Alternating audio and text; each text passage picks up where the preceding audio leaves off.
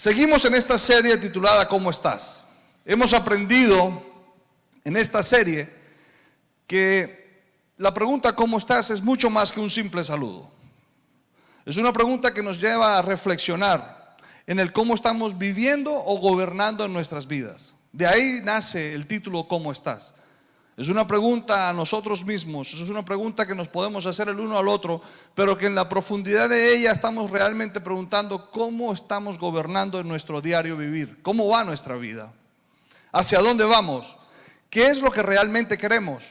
Esa es la pregunta. Mejor aún, ¿esto que queremos está alineado con lo que Dios quiere para nuestras vidas? Eso quiere decir cómo estás.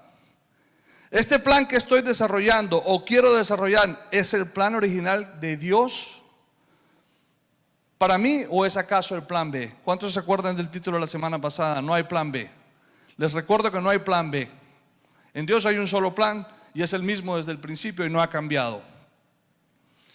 El domingo pasado también aprendimos que el plan de Dios para nuestras vidas sigue siendo el mismo. Desde el principio, desde Génesis. Dios habló de su plan de bendición para nosotros.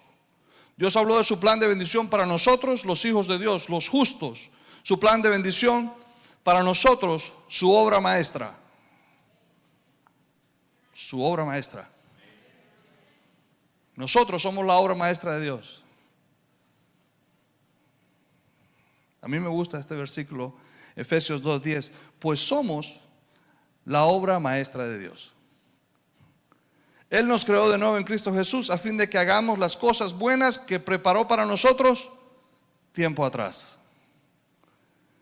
Su plan está designado para nosotros, sus hijos, los justos, su obra maestra. Amén. Ok. También hemos hablado que dentro de este plan encontramos que fuimos creados para adorar para adorar a Dios, creados para obedecer a Dios, creados para hacer la voluntad de Dios. Siendo así la obediencia la mayor expresión de adoración que hay. ¿Usted quiere saber qué significa adorar? Significa obedecer a Dios. ¿Por qué es la obediencia la mayor expresión de adoración que existe? Porque cuando obedecemos la voluntad de Dios, rendimos la nuestra. Cuando hacemos el plan de Dios, morimos al nuestro. Cuando obedecemos la voluntad de Dios, damos fruto. Se ve el resultado. Aprendimos también la importancia de vivir los principios de Dios. Estos principios que no se sujetan a las emociones. En otras palabras, no están limitados por el cómo nos sentimos. Los principios no están limitados cuando los vivimos, ellos no están limitados a cómo usted y yo nos sentimos. Ellos dan fruto cuando los vivimos, sin importar cómo nos sentimos. Si usted vive el principio sin importar realmente cómo se siente, usted vive el principio, usted va a dar fruto, va a ver el fruto. El principio no está sujeto a cómo nos sentimos. Ellos no operan limitados. Ellos, la palabra de Dios no se puede limitar a como nosotros nos sentimos. Les voy a dar ejemplos, porque sabía que me iban a mirar así. Yo sabía, si pudiera tomar fotos, yo sabía. La honra, hablemos de la honra. Honra a tu padre y a tu madre, entonces tendrás una vida larga y plena en la tierra que el Señor tu Dios te da. Dice, honra a tu padre y a tu madre. Esto lo he dicho muchas veces. Aquí no dice, honra a tu papá que fue bueno contigo. Honra a tu mamá que tanto la amas. Dice, honra a tu padre y a tu madre. Si se dan cuenta, es un principio que no está condicionado a ninguna emoción. Es un principio que da fruto en el momento en el que lo vivimos. Pero muchos honramos muy condicionados a cómo nos sentimos. Hay personas que honran más a la mamá que al papá porque la mamá se portó bien y el papá no. Hay personas que honran más al papá que a la mamá porque con el papá sí pueden hablar y con la mamá no. Y no tiene nada que ver el cómo yo me sienta con relación a mi padre y a mi madre para vivir el principio. Porque si no la palabra lo hubiese explicado de esa manera. pero no lo dice así. El diezmo. Y tengo otro ejemplo más. Este es el segundo ejemplo. Traigan todos los diezmos al depósito del templo para que haya suficiente comida en mi casa, el 3.10. Gálatas, perdón, Malaquías 3.10. Si lo hacen, dice el Señor de los ejércitos celestiales, les abriré las ventanas de los cielos, derramaré una bendición tan grande que no tendrán suficiente espacio para guardar. Inténtenlo, pónganme a prueba.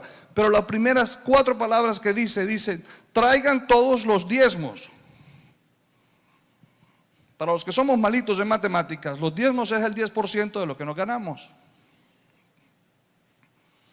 Y dice que traigamos todo ese 10% no el 5%.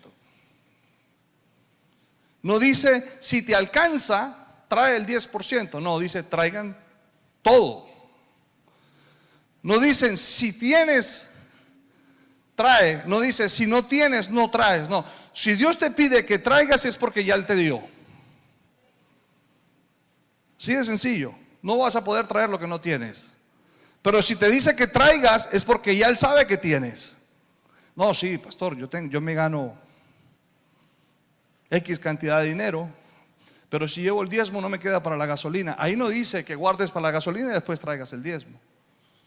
O que guardes primero para la gasolina y que el Señor entiende. El Señor siempre nos va a entender. Ese no es el problema. El problema es que operamos y queremos operar en los principios de acuerdo a nuestras emociones, nuestras necesidades, nuestras circunstancias. Dice, traigan todos los diezmos. No el 5%, no el 2%, sino todos. Obediencia. Todos escucharon la semana pasada la historia de José. Cuando José tiene planeado el matrimonio con María, pero le llega el chisme de que María está embarazada y José, como dicen por ahí en buen spanglish, se paniquea, ¿verdad? y dice, esto no es conmigo, a otro con esa historia, pero está bien, yo no lo voy a avergonzar en público, pero no me voy a casar, vamos a deshacer este matrimonio. Y él tenía la razón. Yo hubiese pensado igual. Pero todos conocemos la historia en Mateo 1.20 que mientras José consideraba esta posibilidad, un ángel del Señor se le apareció en un sueño. José, hijo de David. ¿Usted sabe qué quiere decirle el Señor cuando dice eso? José, hijo de David. Le está recordando el plan que él tenía. Lo que estaba escrito en Isaías. Que el Mesías iba a ser descendencia, iba a ser del linaje de David. Y le recuerda a José que él es del linaje de David. Y le habla del plan divino desde el principio. Y dice, José, hijo de David, le dijo el ángel, no tengas miedo de recibir a María por esposa, porque el niño que lleva dentro de ella fue concebido por el Espíritu Santo. Lo que quiero decirles con este principio de obediencia, porque es de obediencia, cuando José despertó el 1.24, hizo como el ángel del Señor le había ordenado y recibió a María por esposa. Él obedeció. Obedeció a pesar del miedo. Su obediencia no estuvo limitada o sujeta a cómo él se sentía. Oh, me siento seguro. Oh, estoy convencido. No, su obediencia operó en obediencia a pesar del temor, a pesar del miedo, a pesar del qué dirán. ¿Cuántos aquí pensamos mucho en el qué dirán? Nada más yo. Ok. Está bien. Nada más yo pienso en el que dirán. Está bien. ¿Cuántos en línea piensan en el que dirán? Me hacen un dedito así, ahorita yo los miro. Debido al, debido al temor, nos da temor, ¿qué dirán de mí? ¿Qué van a decir de mí? No, ¿qué se creen? No, horrible. Estamos pensando en el que dirán y ese temor nos roba el poder vivir en el principio de la obediencia. Entonces, Habiendo dado estos tres ejemplos, vuelvo a repetir lo que dije antes. La importancia de vivir en los principios de Dios. Estos principios no se sujetan a las emociones. Ya tiene más sentido, ¿verdad?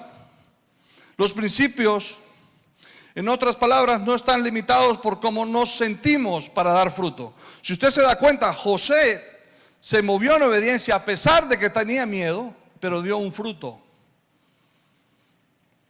Cuando usted diezma, a pesar de que sabe que no le alcanza, le aseguro que va a haber el fruto. Y no se lo aseguro yo, lo asegura la palabra. Dice, probadme en esto, si no abriré las ventanas de los cielos. Lo dice la palabra. Cuando usted honra a padre y madre, le aseguro que verá larga vida y prosperidad para usted. Nos hemos dado cuenta en esta serie que el querer tener la razón ha sido la mayoría de los casos, en la mayoría de los casos de nuestra vida, la motivación principal por medio del cual queremos gobernar. Queremos gobernar teniendo la razón.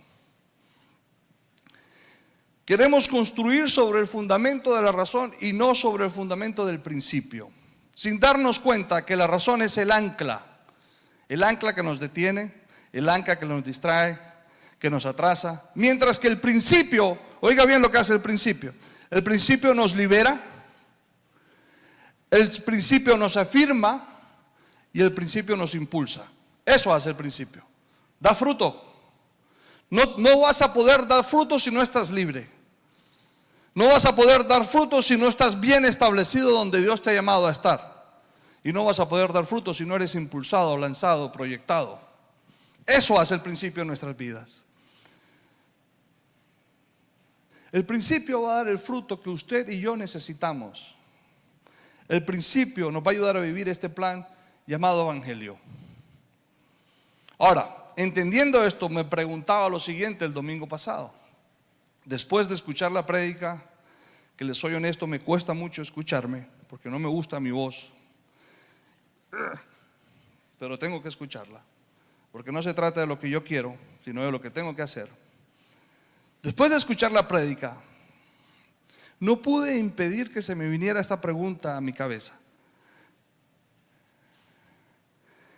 ¿Qué realmente puede detener el plan de Dios para nuestras vidas?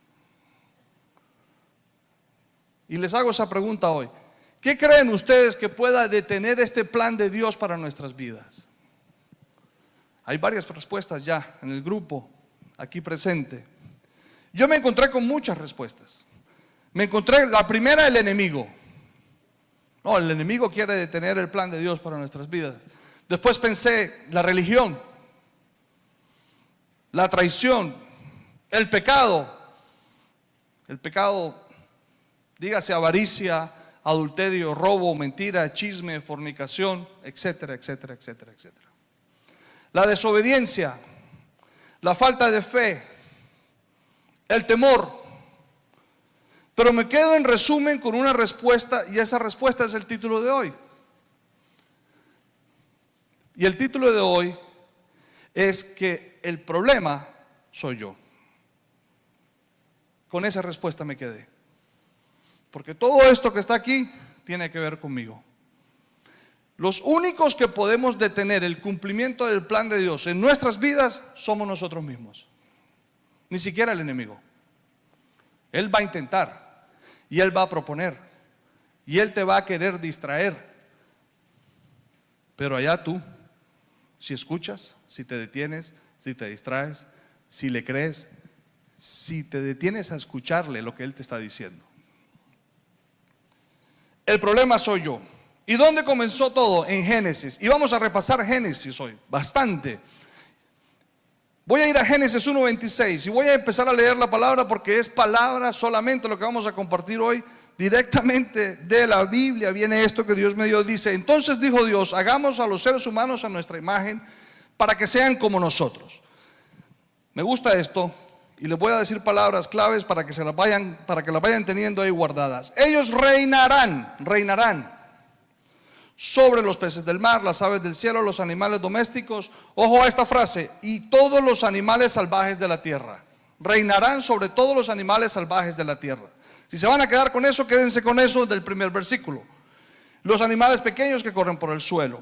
Pero Génesis 2.9 dice, el Señor Dios hizo que crecieran del suelo toda clase de árboles, árboles hermosos, y que daban frutos deliciosos en medio del huerto. Puso al final que daban frutos deliciosos, perdón. En medio del huerto puso el árbol de la vida, el árbol del conocimiento del bien y del mal. Ellos reinarán sobre todos los animales salvajes. Y después habla de un árbol del cual les prohibió que no comiesen, el árbol del conocimiento del bien y del mal. Vamos a llegar en estos versículos, en estas citas bíblicas, a encontrar por qué el problema soy yo.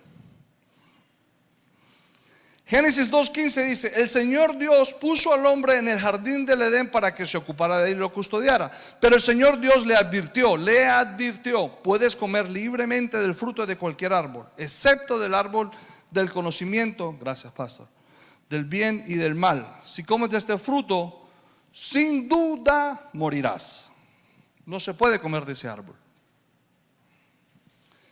2.18 dice, después el Señor Dios dijo, no es bueno que el hombre esté solo, haré una ayuda ideal para él. ¿Para dónde va, pastor? 2.22 dice, entonces el Señor Dios hizo de la costilla a una mujer y la presentó al hombre. Usted quiere saber qué dice el 23, no se lo di a Oscar, pero cuando Adán vio eso dijo, al fin, Dios mío, eso dijo. Al fin. ¿Sabe qué me demuestra eso? Que aunque usted no diga las cosas, Dios sabe lo que usted necesita. Porque si vemos antes, en el 2.18, el Señor dice, no es bueno que el hombre esté solo, haré una ayuda ideal para él. Pero Adán nunca le dijo al Señor, estoy solo y aburrido. Nunca. Pero Dios lo sabía. Ya Dios lo sabía. Yo no sé otra vez por qué se está riendo Jenny. Un día de esto, Jenny, vas a venir aquí arriba para que te conozcan. Y y todos sepan quién es quien me hace bullying en las prédicas cuando yo estoy aquí. El hombre no había dicho nada, pero ya Dios conocía sus necesidades. Muchas veces nosotros no hemos abierto nuestra boca, pero aún así Dios conoce nuestras necesidades. Y nos desesperamos y no sabemos, no nos damos cuenta que Dios, dice la palabra, que, que no ha llegado todavía la palabra a nuestra boca y el Señor ya la conoce. Dice que Él conoce nuestro corazón mejor que nosotros mismos. ¿Cómo no? Él nos hizo, Él nos diseñó. Claro que nos conoce. Entonces el Señor hizo de la costilla a una mujer y la presentó al hombre. Ahora bien, el hombre y su esposa estaban desnudos, pero no sentían vergüenza. ¿A dónde va, pastor? Voy a llegar a que el problema soy yo. Vamos a Génesis 3, 1, 6. Y vamos a ir amarrando Génesis. La serpiente era el más astuto de todos los animales que el Señor había hecho. De todos los animales que salvajes, dice ahí, ¿verdad? La serpiente era el más astuto que todos los animales salvajes que el Señor había hecho. Pero ¿qué dice el 1.26? Ellos, ¿quiénes son ellos? Usted y yo. Génesis 1.26 habla de nosotros. Y anticipadamente dice Génesis 1.26, ellos reinarán sobre los peces del mar, las aves del cielo, los animales domésticos y todos los animales salvajes de la tierra. Ok. En el 3.1 se aparece la serpiente. En el libreto. Pero en el 1.26 ya el Señor nos había hablado de la serpiente. Y nos había dicho que nosotros íbamos a reinar sobre los animales salvajes de la tierra. Y habla de que la serpiente era el más astuto de todos los animales. Pero no quiere decir que era más inteligente que nosotros. No quiere decir que no estaba sujeta a que fuese reinada o gobernada por nosotros. La palabra nos enseña que nosotros fuimos llenados, llamados a gobernar sobre todos los animales salvajes de la tierra. Pero en el, en el 3.1 aparece esta famosa animal salvaje llamado serpiente. Y cierto día le preguntó a la mujer la serpiente, ¿de veras Dios les dijo que no deben comer del fruto de ninguno de los árboles del huerto? Reverse psychology, psicología reversiva. Desde esos tiempos existe, eso no es nuevo. ¿De veras les dijo que no deben comer del fruto de ninguno de los árboles? No. Claro que podemos comer del fruto de los árboles del huerto, contestó la mujer. Es solo del fruto del árbol que está en medio del huerto del que no se nos permite comer. Dios dijo, no deben comerlo, ni siquiera tocarlo, si lo hacen morirán. En el momento en que nosotros hemos sido llamados a reinar sobre los animales salvajes de la tierra y no lo hacemos, ¿de quién es el problema? mío. El problema soy yo. Porque Dios me llamó a gobernar sobre la serpiente, no a escuchar a la serpiente. Dios me llamó a gobernar sobre el enemigo, no a prestarle mi atención ni a darle explicaciones al enemigo. Él no merece mi atención. Él no merece mis explicaciones. Él necesita de mi gobierno sobre su cabeza. Él necesita de que en mi entendimiento yo esté claro de quién yo soy, creado a imagen y semejanza de Dios, llamado a gobernar sobre Él. Que Él sea un rebelde y no quiera ser gobernado es otra cosa. Pero yo debo saber quién yo soy en Cristo Jesús y a qué me llamó el Señor. Porque o si no, yo voy a prestar mis oídos y le voy a dar mi atención y me voy a entretener y me voy a enredar la vida. Y ahí me encuentro con que el problema soy yo. No es la palabra, no es el enemigo, porque el enemigo lo va a intentar todo el tiempo. El problema soy yo. Cuando presto mis oídos al chisme, el problema soy yo. Cuando aporto en el chisme, el problema soy yo. El problema no es quien trae el chisme. El problema es que yo preste mis oídos al chisme. Estamos llegando al título, ¿verdad? El problema soy yo. No lo pueden tocar, si lo hacen morirán. Y la serpiente dice, no morirán otra vez. Le escuchó, ¡Ah! no vamos a morir. Respondió la serpiente a la mujer, Dios sabe que en cuanto coman del fruto se les abrirán los ojos y serán como Dios, con el conocimiento del bien y del mal. La mujer quedó convencida, vio que el árbol era hermoso y su fruto parecía delicioso y quiso la sabiduría que le daría. Así que tomó del fruto, lo comió y después le dio un poco a su esposo que estaba con ella y también comió. ¿A quién le dio Dios la instrucción de no comer de ese fruto? Adán. Yo pienso que la historia, hubiese sido diferente si cuando ella le ofrece a Adán y Adán le dice, no, de ese fruto no podemos comer. Yo creo que en ese instante él la puede redimir a ella. Pero el problema fue que Adán también comió. O sea que la culpa no es de la serpiente, sino de Adán que comió. Ahora, vámonos más atrás. Dice que Adán estaba allí presente, o sea que él escuchó toda la conversación, o sea que él también le dio comezón de oír. Y él también escuchó lo que la serpiente le decía. Y después le echan la culpa a la serpiente. Cuando fuimos llamados, le echamos la culpa al enemigo cuando hemos sido llamados a gobernar sobre el enemigo. Hay mucho crédito que ese señor no tiene, déjeme decirles. Le hemos dado más importancia de la que debe tener. Porque no hemos sido honestos y no hemos mirado hacia adentro sino que hemos buscado la respuesta afuera y la excusa y la razón. Dios sabe que en cuanto coman del fruto se les abrirán los ojos, ya lo leí. La mujer quedó convencida, ya lo leí. Génesis 3 del 8 al, 13. Disculpen que haga esto porque si no, no alcanzo. Cuando soplaba la brisa fresca de la tarde, el hombre y su esposa oyeron al Señor Dios caminando por el huerto. Así que se escondieron del Señor Dios entre los árboles. Entonces el Señor Dios llamó al hombre, llamó a Adán, al que le dio la instrucción, al que le dio el direccionamiento. ¿Dónde estás? Quizás esta serie se debió haber llamado ¿Dónde estás? No ¿Cómo estás? Porque él seguro, él ya sabía dónde estaba. Es hasta dónde has llegado, Adán. Es esa pregunta. ¿Dónde estás? El hombre contestó, te oí caminando por el huerto, así que me escondí. Tuve miedo porque estaba desnudo. Oh, estaba desnudo. Pero el 1.25 dice, ahora bien el hombre y su esposa estaban desnudos, pero no sentían vergüenza. El 2.25 dice eso. Génesis 2.25 dice que el hombre y su mujer estaban desnudos y no sentían vergüenza. Pero en Génesis 3, 8 en adelante dice, ¿dónde estás? Y el hombre contestó, te oí caminando por el huerto, así que me escondí. Tuve miedo porque estaba desnudo.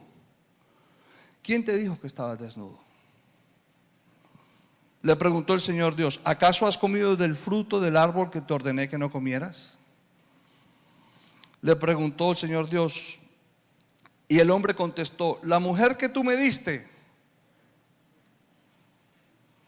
Él no le dijo, sí, comí. No, él dijo, la mujer que tú me diste, Señor. La echó debajo del bus y la tenía al lado. Le metió el pie ahí, la mujer que tú me diste. Ojo esto. ¿Quién te dijo que estaba desnudo?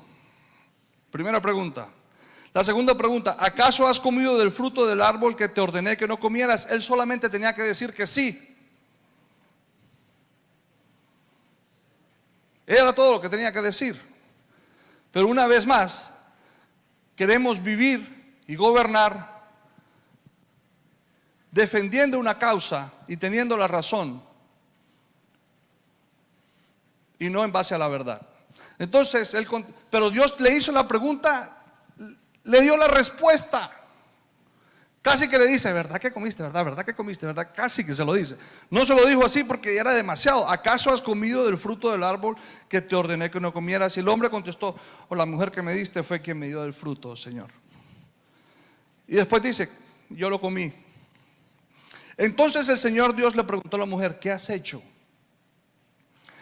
Y ella dijo, la serpiente me engañó. ¿Tenía razón Eva o no? Sí, tenía razón. La serpiente la engañó. Claro, tenía razón. Pero ella prefirió la razón al principio. Y por eso murió. ¿Tenía razón Adán cuando dijo la mujer que me diste? Claro, tenía razón. Pero no es suficiente, porque la razón no nos va a ayudar a dar fruto. Entonces dice, por eso comí. Lo primero que quiero hablar de todo esto es la desobediencia. La desobediencia es la razón principal por la cual el problema soy yo. Sencillo, Dios da una instrucción y se desobedeció en todo el sentido de la instrucción que se recibió. Y la decisión de desobedecer fue nuestra. La falta de reconocimiento nos deja saber que el problema soy yo. En la excusa que damos, realmente estamos dejando saber que el problema soy yo. En, la, en el culpar a otros, lo único que estamos demostrando es que el problema soy yo. Ahora, hay algo aquí de lo cual nos han hablado muy poco y quiero hablarlo en esta mañana. El conocimiento del bien y del mal nos ha enredado la cabeza para cumplir el plan de Dios en nosotros. Esa era la razón por la cual Dios no quería que probáramos del fruto de este árbol que nos llevaba al conocimiento del bien y del mal. Porque cuando usted y yo conocemos el bien y el mal, se empiezan a mezclar las emociones. Y tenemos un juicio muy dictado por la emoción nuestra y no por el principio. Usted y yo fuimos llamados a gobernar en el principio, no en el conocimiento del bien y del mal. No en lo bueno o lo malo. Cuando usted se encuentre en una situación tomando una decisión porque es bueno, analice muy bien si lo está haciendo en un principio. O porque es malo, analice muy bien si lo está haciendo en un principio. Ejemplo, la honra, el diezmo, la obediencia de lo que Dios le hable. Cuando Dios le hable y le diga de perdonar, Y usted se va a agarrar de cómo usted se siente y va a tomar una decisión de vida en base a la necesidad de perdonar, va a tomar una decisión de vida en cómo usted se siente, es muy probable que usted esté operando en lo bueno y en lo malo y no en el principio. Y eso no va a dar fruto. Lo que yo estoy diciendo es profundo y es difícil de vivir, pero es necesario para poder dar fruto. Todo lo queremos mirar con, lo con el lente de lo bueno y lo malo. Y esto lo alimentamos con nuestros sentimientos. Me explicaba el pastor Villa en una manera práctica. Sentimiento es la suma entre un pensamiento y una emoción. Haga usted las matemáticas. Dios siempre nos va a querer ayudar. Siempre nos va a querer hacer las preguntas fáciles de responder. Siempre nos va a querer sacar del problema siempre va a estar ahí extendiendo su mano de misericordia, de amor para ayudarnos. Pero aún así nosotros caemos en el mismo error de dar excusas, de culpar a otros y de no mirar hacia adentro, de no ser honestos.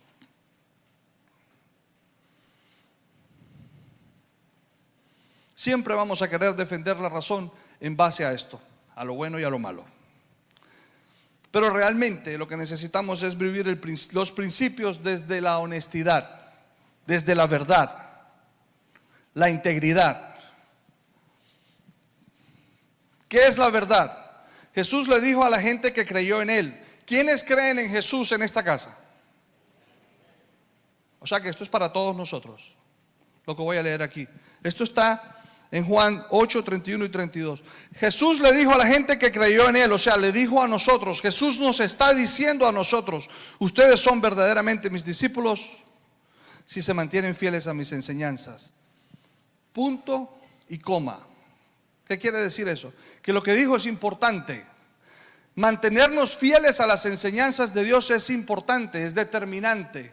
Eso nos va a hacer verdaderamente sus discípulos, porque mantenernos fieles a sus enseñanzas nos va a transformar.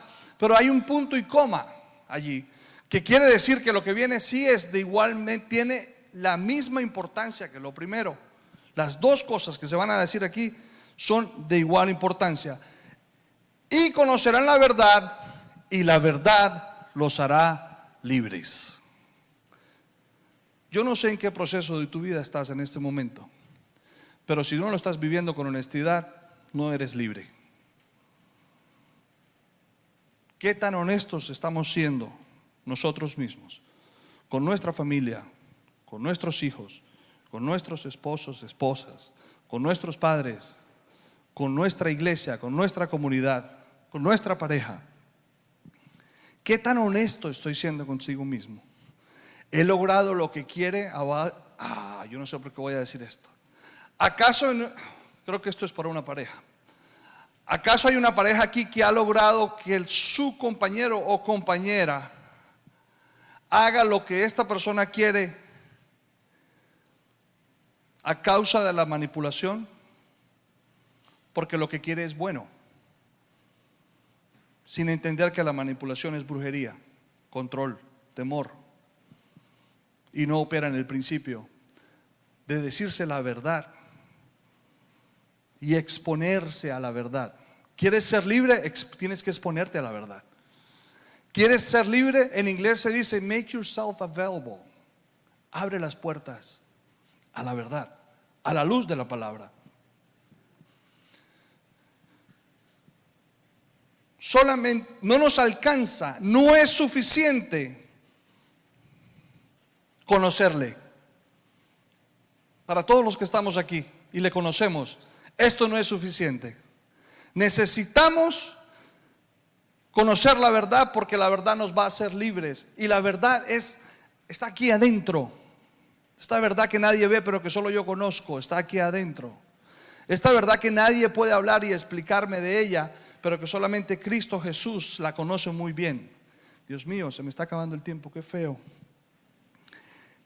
Creer en Jesús no es suficiente, no nos alcanza. Necesitamos conocerle para poder vivir en verdad. Cuando mi motivación está en hacer lo bueno y evitar lo malo, olvidando lo correcto, el problema soy yo. Quizás los jóvenes necesitan escuchar esto.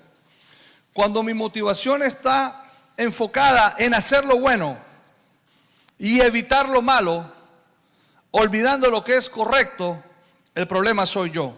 Me voy a Génesis 4, 2. Lo voy a leer del 2 al 7. Tiempo después dio a luz al hermano de Caín y le puso por nombre Abel. Cuando crecieron, Abel se hizo pastor de ovejas, mientras que Caín se dedicó a cultivar la tierra.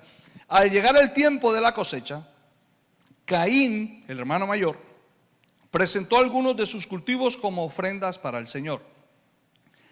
Abel también presentó una ofrenda. Dos puntos. ¿Las ven ahí?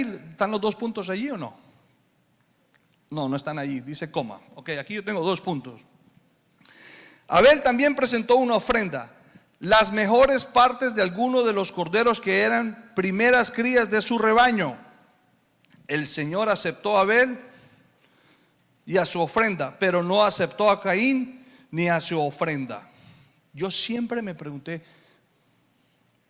eso es discriminación, porque a uno sí y al otro no. Pero cuando tú lees detenidamente la palabra, Caín dice que presentó algunos de sus cultivos como ofrenda para el Señor.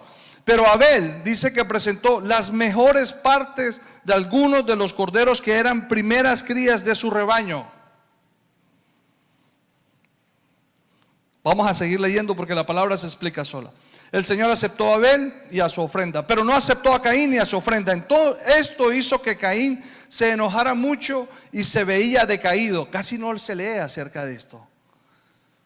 Yo creo que Caín tenía toda la razón para sentirse decaído, para sentirse molesto, para sentirse discriminado. ¿Cuántos nos hemos sentido discriminados porque a un hermano sí le aceptan y a mí no?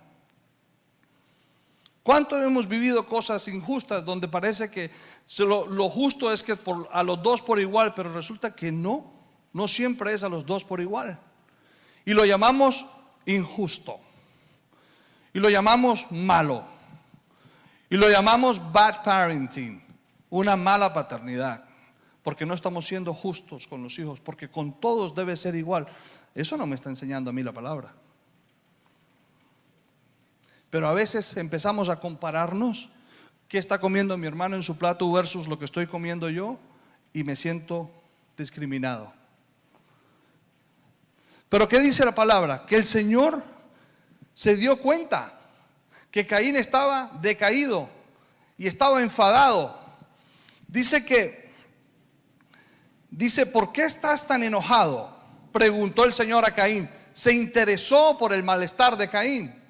¿Por qué estás tan enojado? Dios está interesado en que tú no estés bien.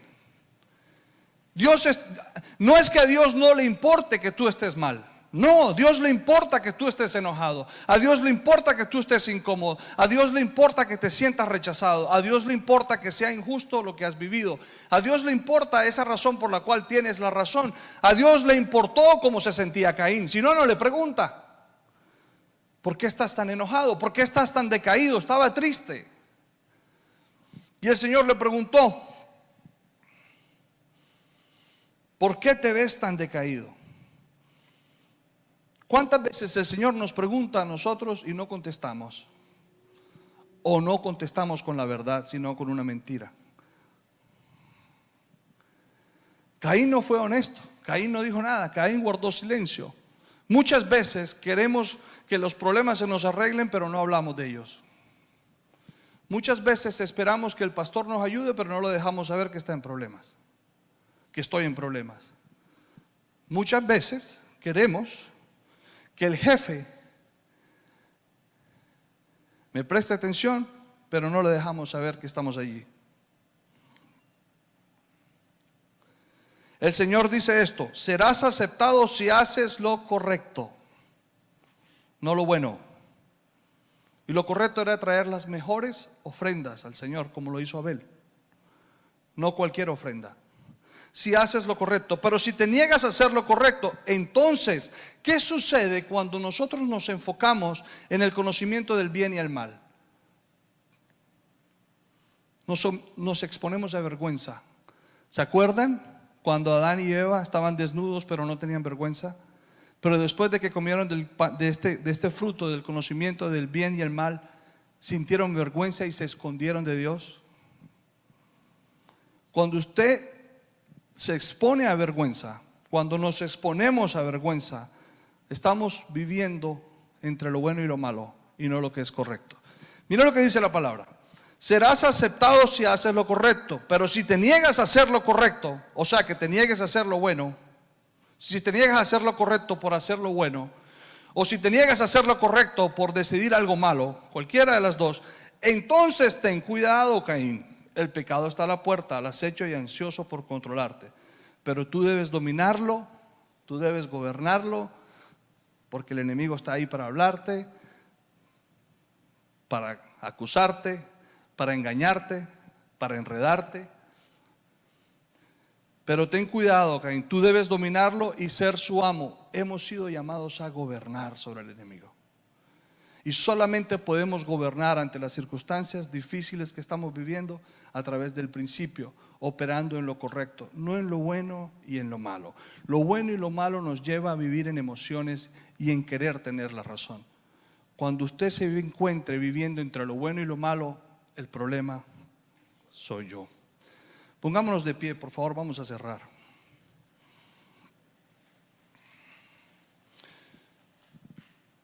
Si la alabanza sube, les agradezco, por favor. Cuando yo me conformo con lo suficiente, mucha atención a esto.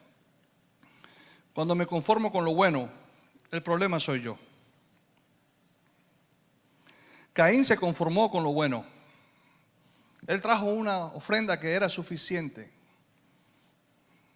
Y no se dio cuenta que el problema era él.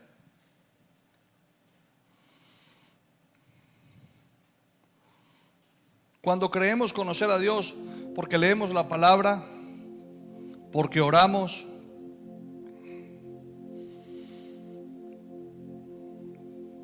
a diario, pero no escuchamos su voz, el problema soy yo.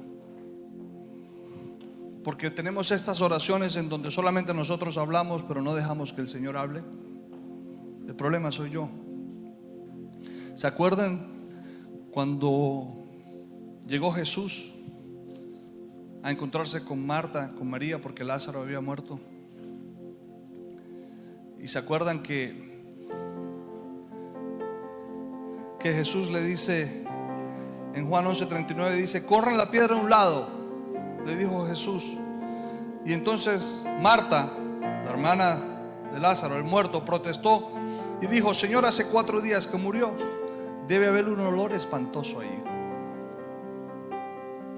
Marta la que comía con Jesús, Marta la que le hacía de comer, Marta la que se conocía los chistes de Jesús, Marta la seguidora número uno de Instagram de Jesús, la que le daba like a todas las fotos que él subía. Marta, la que quería tener la casa limpia, impecable para cuando Jesús llegase y se sintiese cómodo en ese lugar. Marta, la amiga de Jesús, le dice, dice, dice la palabra que protestó y le dice, Señor, hace cuatro días que murió, debe haber un olor espantoso allí. Tenía razón, seguramente que ya olía feo. Y seguramente que lo que estaba diciendo no tenía nada de malo, era cierto. Era bueno, no abras esa piedra que eso oler horrible. Y Jesús le respondió, no te dije que si crees verás la gloria de Dios. Sea que ya Jesús había hablado con Marta de creer para ver la gloria de Dios. Pero ¿qué tanto había escuchado Marta a Jesús? Porque Él le dice, no te dije que si crees, o sea, ya le había dicho esto antes. ¿Cuántas veces el Señor nos ha dicho y nos ha dicho y nos ha hablado y nos ha dicho y nos ha dicho, pero no escuchamos al Señor? Caemos, caemos en la familiaridad de una relación con Dios, porque me sé las alabanzas, porque me conozco la palabra, porque oro, porque hago el bien, pero no escucho la voz de Dios. Y cuánto vaya que necesitamos nosotros escuchar su voz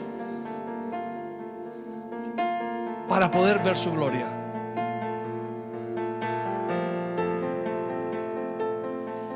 Cuando no hay humildad, el problema soy yo. Cuando hay arrogancia, el problema soy yo. Me voy a despedir de la gente que está en línea. Les bendigo, les amamos. Vuelva a escuchar esta palabra. Deje que esta palabra cobre vida en su ser. Miremos hacia adentro. Vivamos esta vida con honestidad, con verdad. Dejemos que el Señor haga la obra. Expongámonos libremente, sin esconder nada, bajo la luz de su palabra y dejemos que Él obre porque quiere hacer grandes cosas en tu vida. Quiere Dios que la gloria, su gloria, sea reflejada en tu vida de tal manera que jamás la hayas experimentado antes. Dios te bendiga, que tengas una linda semana.